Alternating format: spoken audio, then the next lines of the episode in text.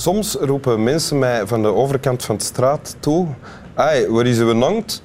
En zeg ik bijna altijd, die is dood. En dan schrikken die, die mensen. En dan is het gedaan met uh, zomaar wildvreemde mensen aanspreken van de overkant van de straat. Soms voeg ik ook nog toe over rijden door een camion. Oei, oei, oei, zeggen mensen, dan weten ze niet meer wat zeggen.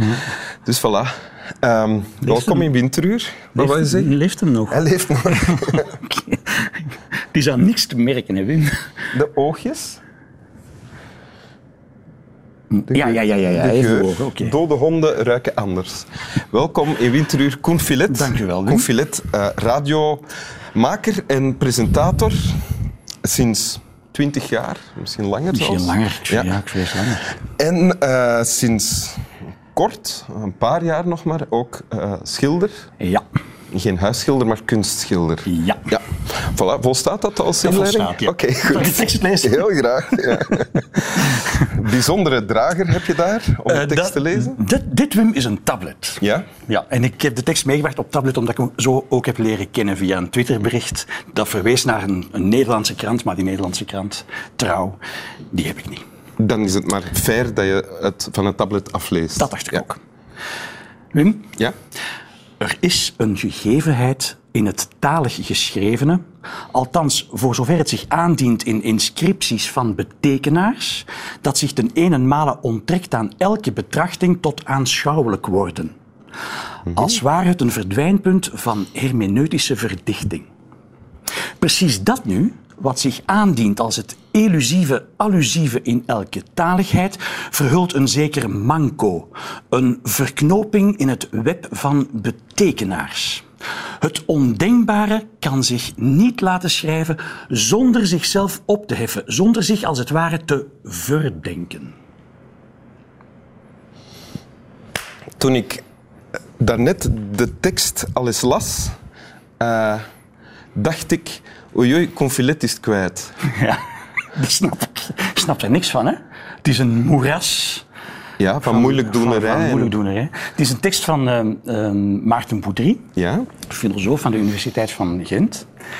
En ehm, de tekst betekent volgens Maarten Boudry niets. Ja, hij heeft een Dat, is een, verzonnen. dat is een opluchting. ja.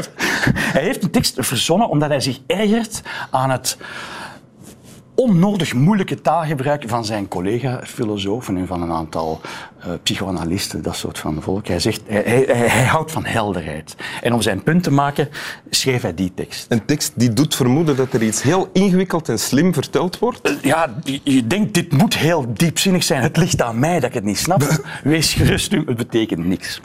Nu, Dus dat betekent dat we niet hoeven in te gaan op wat is, het, wat is elusief, allusief en herm- hermetisch en hermeneutisch. Wel. Dat hoeven allemaal...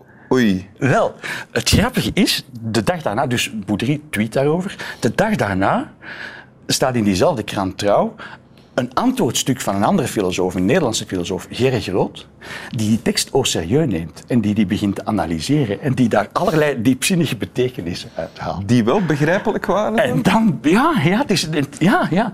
Het, het is vooral de, de, de laatste zin waar Gerrit Groot op ingaat. Het ondenkbare kan zich niet laten schrijven zonder zichzelf op te heffen, zonder zich als het ware te verdenken. Hij gaat daar ernstig op in. Ah ja. En dan, dan wordt het interessant, vind ik. Omdat er dus... Boudry schrijft iets, verzint iets, zegt zelf, de auteur Boudry zegt het betekent niks en iemand anders interpreteert dat Ja. helemaal. Ja, helemaal ja. Iemand maakt een grap en iemand anders zegt, ja, maar het is wel waar wat dat je zegt. Ja, ja, ja. Oké.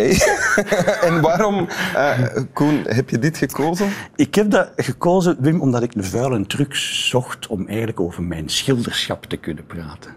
Ah, Er is een verband met, met, met kunst en met, met schilderen. Ehm, namelijk?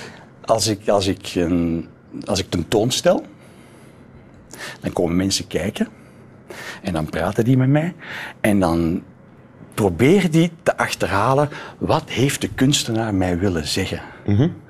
En dan, dan, dan beginnen die betekenissen te geven aan, aan, aan mijn schilderijen. En ik sta er altijd van te kijken wat mensen daarover zeggen. Dingen die ik zelf niet heb kunnen bedenken. Want ja, het eerlijke antwoord als iemand jou zou vragen, wat probeer jij mij hier te vertellen met dit schilderij, zou zijn, Niks. Als ik, als ik aan een schilderij begin te schilderen, ik, ik begin vanuit vorm, vanuit eh, contrast en kleur en, en compositie vooral. Niet vanuit betekenis. En terwijl dat ik sta te schilderen, Dus je vraagt je vooraf niet, af van hierover wil ik iets vertellen of Nee. zoiets. Het is gewoon... ik heb geen boodschap. Nee. Ja, oké. Ik maak het nu wel zwart-wit dan het is. Maar in principe heb ik geen boodschap. Maar terwijl ik sta te schilderen, ben ik ook een toeschouwer van mijn, van mijn eigen schilderij terwijl het geboren wordt. En maak ik ook wel associaties. Dus het, het krijgt wel betekenis ook voor mij als, als maker van dat schilderij. Maar als mensen dan op een tentoonstelling vragen, ja, en wat is dan die betekenis volgens u, dan durf ik daar niet goed over praten. Want? Want, want als ik zeg, eh, ja Wim, dat is een appelboom, dan is het een appelboom.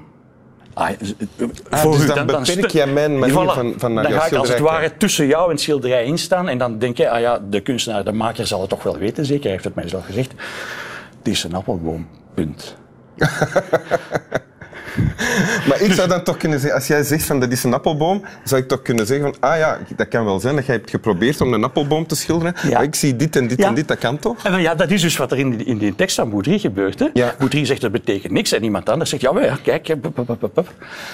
Maar de vraag is dan, waarover is die iemand anders dan aan het praten?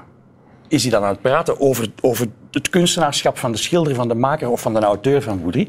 Of, Of is die over zichzelf aan het praten? Ja. exactly my point. Ja. Dat is wat ik denk, ja. Ik denk Ja, dat- ja, ja, ja, ja, ja, ja, ja, ja. Voilà, klaar. Ja, wil je de tekst nog eens voorlezen? Voor de mensen die het gesprek niet hebben gezien, liefst zo ernstig mogelijk, zo ernstig en gedragen mogelijk, dat de mensen die nu pas kijken denken van oh, wauw, amai, wat een ongelooflijk diep, interessant programma moet dat zijn. Hier gaan we.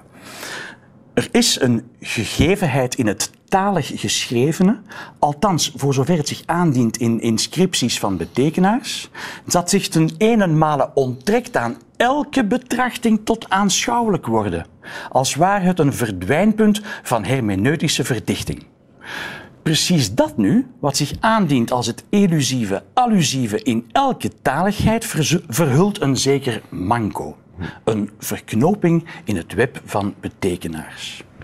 Het ondenkbare kan zich niet laten schrijven zonder zichzelf op te heffen, zonder zich als het ware te verdenken. Dank u wel, Confilet. Graag gedaan, Wim. Wel te rusten. Wie is het morgen? Johan Braakman, Johan, de filosoof. collega van Boudry.